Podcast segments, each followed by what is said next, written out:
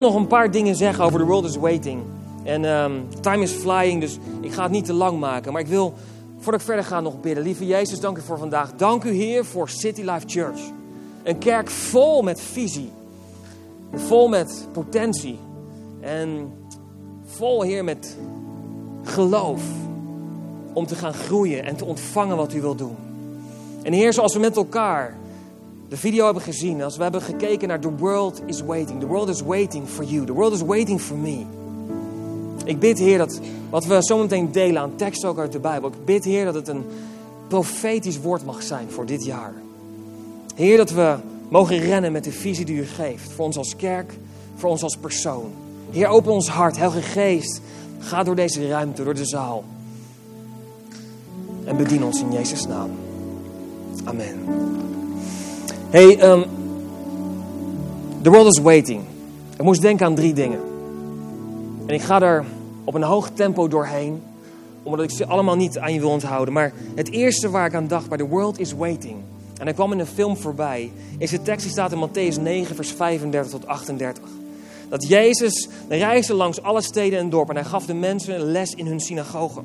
Hij vertelde het goede nieuws van het koninkrijk en hij genas alle ziekten en kwalen. En toen hij de grote groep mensen zag, had hij heel veel medelijden met hen. Hij werd, hij werd bewogen, hij werd aangeraakt.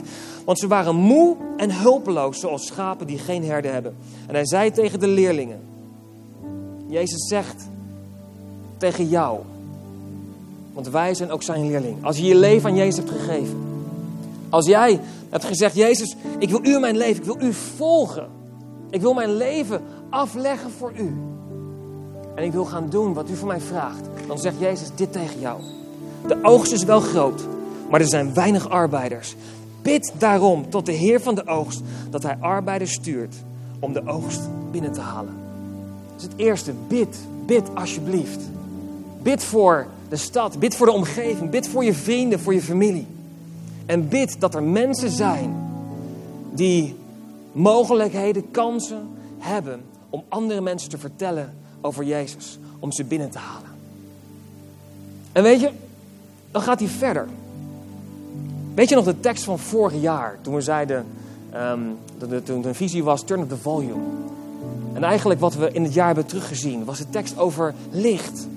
En ook onze kerstboodschap die ik heb mogen brengen, ging over licht. En die tekst die vinden we terug in, ook in Matthäus, maar hoofdstuk 5. Waarin eigenlijk staat dat God, Jezus zegt op een gegeven moment, bid dat de Heer arbeiders zendt.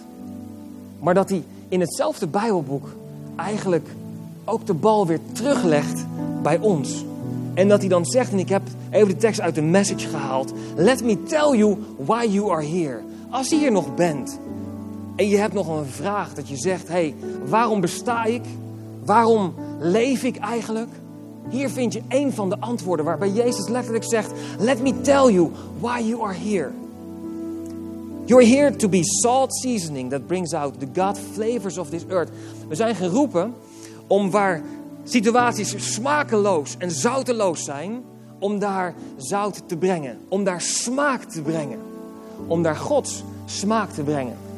En de tekst gaat verder, waarin hij zegt in vers 14: You're here to be light, bringing out the God colors in the world.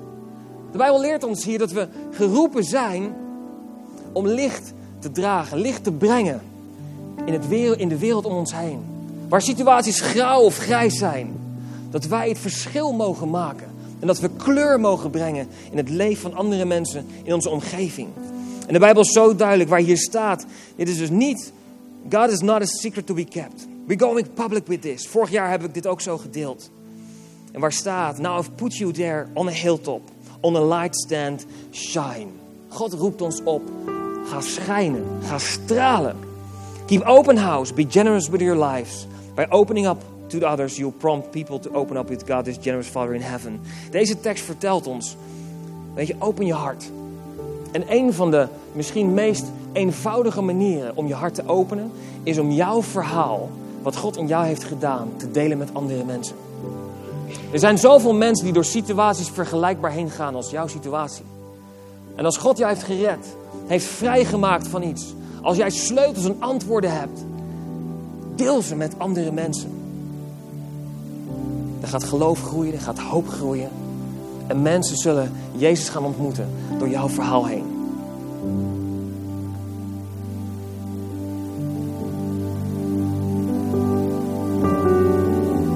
Weet je, als het gaat over dit verschil maken, als het gaat over een licht zijn in onze omgeving, dan wil ik je meenemen naar de laatste tekst voor, voor vandaag. En dat is in Petrus 2, vers 4 tot 5. Waar staat, ik, en ga naar Jezus toe. Dit is Petrus die dit zegt.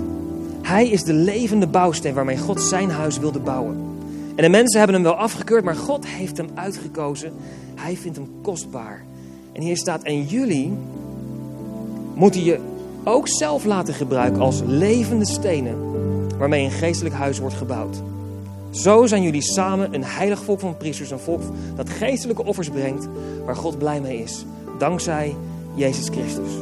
De Bijbel roept ons hier op om jezelf beschikbaar te stellen als een levende bouwsteen in een gebouw, in een bouwwerk wat God aan het maken is.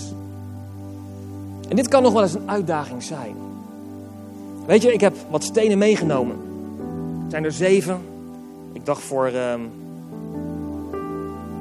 zeven is een mooi getal. Maar ik ga er geen verhaal over zeven stenen houden. Maar ik wil je wel gewoon deze ene steen laten zien. Een steen op zich, gewoon zoals ik hem hier heb, is gewoon een steen. Is een dood ding. Kan niet zo heel veel. Ik kan hem hier neerleggen. Denk dat hij wordt vergeten. Misschien heb je ook wel eens in je tuin als je aan het graven bent. En je moet dus wat planten. Dat er ineens kom je een steen tegen, een losse steen. Dat is alleen maar vervelend. Zit in de weg voor de wortels. Met een steen kan je een raam ingooien. Bijvoorbeeld. Of andere dingen doen. Je kan ook een deur open houden trouwens. Kan ook. Maar dan moet de steen wel zwaar genoeg zijn. Maar weet je, een steen alleen kan niet zoveel. Maar een steen als onderdeel van een heel bouwwerk, van een groter geheel, en ik heb hier maar zeven stenen, kan iets fantastisch worden. Het kan deel zijn van een gebouw zo groot als dit. Een gebouw zo groot als een wolkenkrabber. Een steen alleen is maar een steen alleen. Maar een steen samen met heel veel andere stenen kan iets fantastisch worden. En ik wil je bemoedigen met dit om gewoon na te denken en te zeggen: Oké, ben ik beschikbaar? Nou, Jezus, heb ik een keuze gemaakt? Ja, Jezus, ik wil bij u horen. Ja, wilt u door mij heen werken? Wil u volgen? Ik heb mijn leven afgelegd. Maar ben je daarna beschikbaar als levende bouwsteen in het werk wat God aan het bouwen is? En weet je, soms kan het zijn dat je dan denkt: ja, weet je, maar wat ben ik nou? Eén kleine steen. Sta ik daar tussen al die andere stenen? Sterker nog, het beperkt me een klein beetje. Ik voel me wat benauwd in zo'n muur van al deze stenen. Weet je, het voorbeeld in de Bijbel is natuurlijk een voorbeeld, een metafoor. Maar de Bijbel spreekt niet over dode stenen zoals dit. De Bijbel spreekt heel duidelijk over levende stenen. En wat is een kenmerk van een levende steen? Nee, dat zegt niet goed. Wat is het kenmerk van een levend iets? Dat is, een steen kan niet leven. Oh Heer, help mij. Wat is het kenmerk van leven? Dat is dat iets groeit. Weet je, dus wees niet bang dat het je benauwt, dat je opgesloten raakt. Nee, ga ervoor als levende steen. En weet je wat het mooie is? Als een steen zou groeien en groeien en groeien, wordt hij van grotere waarde. Omdat er veel meer stenen op gedragen kunnen worden. En dat wil ik over je uitspreken. Kijk hoe jij deel kunt zijn van een groter geheel. Dat je een groeiende steen bent in het bouwwerk van God. Dat je een zegen kunt zijn. Dat je andere mensen kunt helpen. Dat je een steun kunt zijn voor andere mensen. Weet je, er valt nog veel meer te zeggen over, over stenen. Maar het verhaal is dit. De vijand is op de loer. En is aan het kijken naar wat wij doen. Weet je, het maakt de vijand eigenlijk niet zo heel veel uit dat jij gered bent. Want hij weet namelijk, als geen ander, dat als wij Jezus aannemen, dat we ons leven zijn hand hebben gelegd, dat we van Jezus zijn. Dus daar kan hij eigenlijk niks meer aan veranderen. Too bad for him. Good for us. Maar er is nog wel één ander ding. Hij kan ons proberen krachteloos te maken. En dat is met leugens in ons denken over dat we het niet waard zijn, dat we het niet kunnen. Of hij kan proberen scheiding te brengen binnen een kerk. Hij kan proberen scheiding te brengen binnen een team. Hij kan proberen de ideeën die God heeft, proberen kapot te maken. En weet je, hier zo is het belangrijk dat wij onze rol pakken. En dat we dat niet toestaan, maar dat we gaan geloven dat wat hier om ons heen gebeurt, dat dat een geestelijke strijd is. Op het moment dat ik tegen je zeg, ben jij deel van een groter geheel? Ben jij beschikbaar als levende bouwsteen in het huis van God? In het bouwwerk wat God aan het doen is? Wat gebeurt er dan van binnen? Wat ervaar je dan? Wat, wat voel je? Wat is de stem van God op dit moment in jou? En welke stem is er van de vijand die je nog probeert af te houden om in de bestemming te gaan wandelen die God voor je heeft? Weet je, lieve mensen, er is strijd om ons heen. Wat wij doen is van levensbelang. We redden mensen. We brengen ze bij Jezus. De vijand vindt dat niet leuk. Die zal het je proberen moeilijk te maken. Die zal, weet je, als het hierover gaat, Jezus had het ook niet makkelijk op aarde. Soms denken wij nog wel eens, als we ons leven aan Jezus geven, dat dan alles voorbij is. Ja, Gods kracht is in jou. Ja, de Heilige Geest is in jou. En ja, ons gebed heeft kracht. Maar als we de verhalen van de discipelen lezen, als we de verhalen lezen van wat er gebeurde in hun leven, door hun heen, was het ook niet allemaal fijn en goed. Er komen testen op ons af. Er is een vijand die reëel is en die probeert ons af te houden van het plan van God. En ik wil je bemoedigen vandaag om te zeggen en een statement te maken. Te zeggen, Heer, ik wil een levende bouwsteen, bouwsteen zijn in uw huis. In uw werk, wat u aan het bouwen bent op dit moment. Wat de vijand ook zegt. En weet je, dat betekent niet dat dan ineens alles, alles anders is. Dat je niet meer mag werken. Dat je, weet je, soms zijn we bang om een discipel van Jezus te worden. Soms zijn we daar wel bang voor. Misschien zit je hier en dan zeg je, ja, maar wat moet ik dan allemaal niet meer doen? Weet je, het is een reis die je met God gaat. Een reis die begint met een simpele keus. En te zeggen, Heer, ik ben beschikbaar. En misschien ben je hier en heb je die keus lang geleden al eens gemaakt. Je hebt gezegd, ik ben beschikbaar, Jezus. Wij hebben het gezegd, Ben en ik. En kijk wat er van komt. Staan we hier. Maar als dit in jouw leven is, welke roeping is er op jouw leven? Als je zoekt naar voldoening in je leven, waarvoor je gemaakt bent op aarde, ga ontdekken wat God voor je heeft. Ga die stap zetten en zeg: Heer, ik wil voor u leven. En dat is niet alleen met woorden zeggen: Ik wil u volgen, Jezus. En dan gaan we naar huis en dan doen we nooit meer wat. En volgende week zondag zeggen we precies hetzelfde. Nee, dat is echt luisteren naar God. Heer, wat zegt u tegen mij? Jezus zei tegen zijn discipelen: Ga nu. Ga de mensen vertellen over mij. Bid voor ze. En weet je, ik wil afsluiten met dit. Wat we kunnen doen met onze geestelijke bouwstenen, dat is een huis bouwen. En ik geloof dat we een geestelijke kerk mogen bouwen. Een plek veilig voor mensen om thuis te komen, om God te ontmoeten. Een plek waar we fouten mogen maken. Waar we genadig zijn voor elkaar. Dat we elkaar altijd naar Jezus wijzen. Altijd. En de Bijbel spreekt zo mooi in deze tekst dat het gaat over een volk dat geestelijke offers brengt, waar God blij mee is, dankzij Jezus. Wat je met stenen ook kunt doen, is een altaar bouwen. Een altaar bouwen. Misschien zit je hier en zeg je, ja Daan, ik hoor dit, maar ik ben nog niet zo ver. Ik kan dit nog niet. En ik weet niet waar ik zou moeten beginnen. Weet je, ik hoop dat het lukt. Maar veel van ons leven. Sorry, moeten we straks opruimen. Ziet er zo uit. Veel van ons zijn gebroken. En zijn kapot.